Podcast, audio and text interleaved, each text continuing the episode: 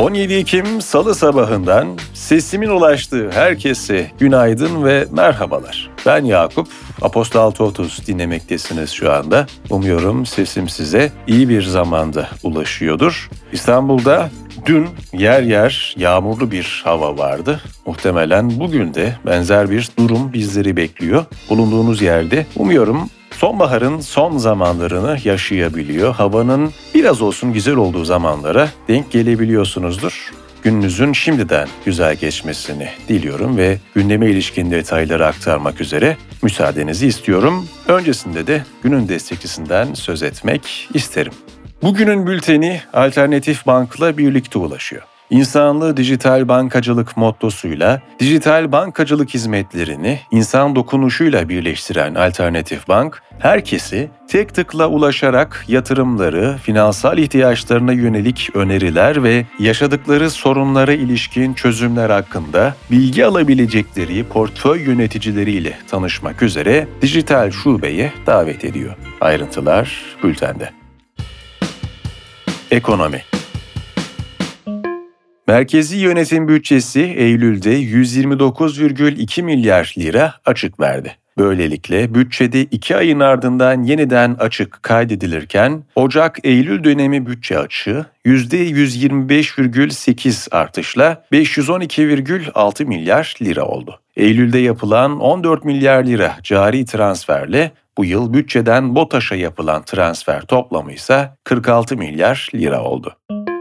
Ücretli çalışan sayısında TÜİK verilerine göre Ağustos'ta aylık bazda %0,1, yıllık olaraksa %3,4 artış yaşandı. Ücretli çalışan sayısındaki yıllık artış sanayi sektöründe %0,1, ticaret hizmet sektöründe %3,7 olurken inşaat sektöründeki artış ise %12,6 olarak kaydedildi.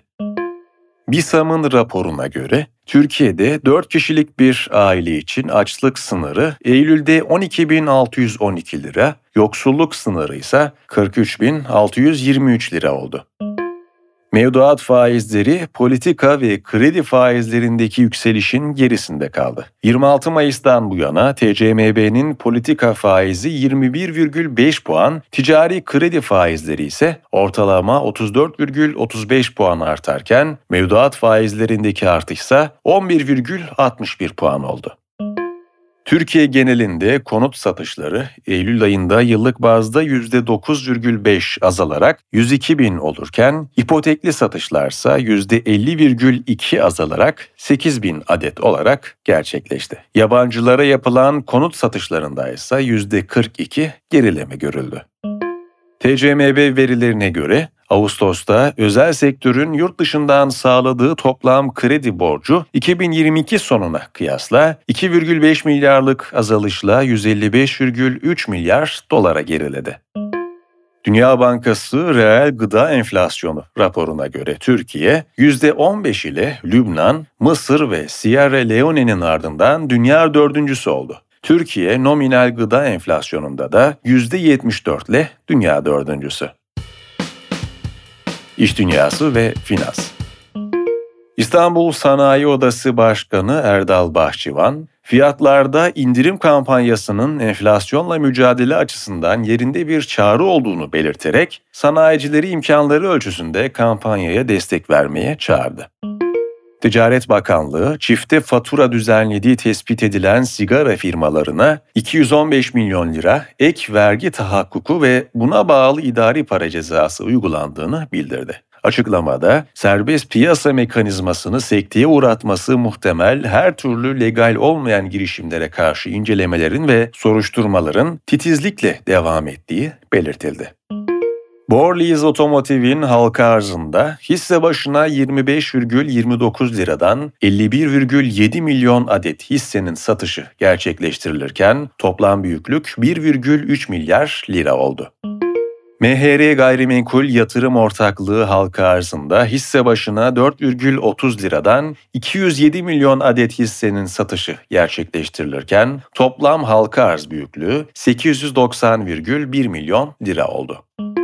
Nielsen IQ'nun raporuna göre Türkiye'de hızlı tüketim ürünleri perakendesi 2023 yılının ilk 8 ayında %86 büyüdü. Rapora göre ciro payını en çok artıran 3 kategori gazlı içecekler, çerez ve kuru yemiş oldu. Biyoteknoloji firması BioNTech, ortağı Pfizer'la ürettiği COVID-19 aşılarından 2023 yılı 3. çeyreğinde muhtemel olarak 900 milyon avro zarar edeceğini duyurdu. Politika Lübnan'daki Hizbullah ile İsrail ordusu arasında başlayan ve gitgide artan çatışmalarda sivil can kayıpları artıyor. İki tarafın da karşılıklı ateş açtığı bildirilirken İsrail'in kuzeyindeki Sutula'daki bir köye Hizbullah'ın düzenlediği bir füze saldırısı sonucu bir sivilin yaşamını yitirdiği, üç kişinin yaralandığı aktarıldı. İsrail-Hamas çatışmasının başlamasının ardından Orta Doğu'ya giden ABD Dışişleri Bakanı Antony Blinken, Arap ülkelerini ziyareti sonrası yeniden ilk durağı İsrail'e gidiyor. İsrail Savunma Bakanı Yoav Gallant, Tel Aviv'de görüştüğü ABD Dışişleri Bakanı Antony Blinken'a bu uzun bir savaş olacak, bedeli ağır olacak ancak İsrail için, Yahudiler için ve iki ülkenin de inandığı değerler için kazanacağız dedi. Polonya'da pazar günü gerçekleştirilen seçimin kesin olmayan sonuçlarına göre muhalefet partileri toplam çoğunluğu elde etti. İktidardaki Milliyetçi Muhafazakar Parti ise yarışı önde tamamladı. Mevcut iktidar seçimi önde tamamlamasına rağmen parlamentoda çoğunluğu sağlayamadı. Avustralya'da yerli halklara daha fazla siyasal hak tanınması için yapılan referandumda %61 hayır oyu kullanıldı.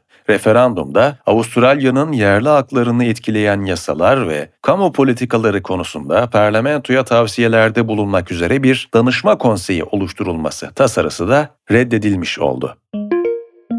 Ekvador'da 35 yaşındaki iş insanı Daniel Noboa, ülkenin en genç devlet başkanı seçildi. Pazar günü düzenlenen devlet başkanlığı seçimlerinin ikinci turunda Noboa oyların %52,3'ünü aldı. Sosyalist rakibi Luisa González ise %47,7'de kaldı. Noboa seçimi kazanmasının ardından yaptığı konuşmada şiddet, yolsuzluk ve nefretle hırpalanan Ekvador'u yeniden inşa etmeye başlayacaklarını söyledi.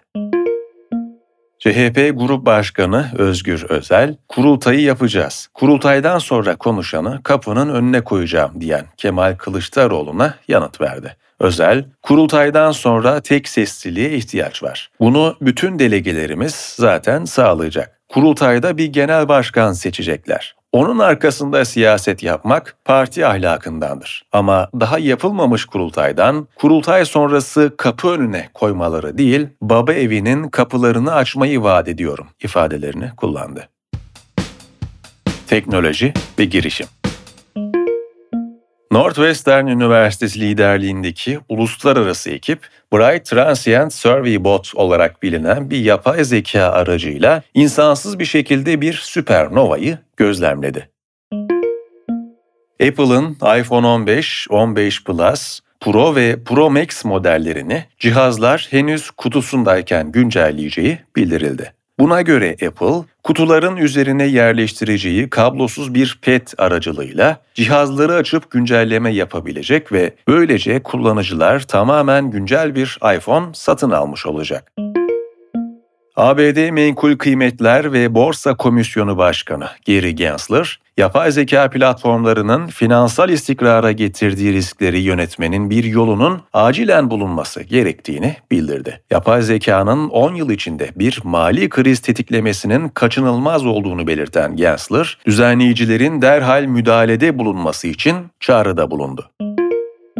İşletmelerin kuruluşlarından vergi yönetimlerine kadar birçok süreci tek bir noktadan yönetmelerini mümkün kılan yerli girişim mükellef, yurt dışı faaliyetlerini yürüttüğü markası Worky ile Güney Afrika pazarına giriş yaptı. Böylece Worky ile Brezilyalı girişimciler de artık ABD ve Birleşik Krallık'ta şirket kurabilecek.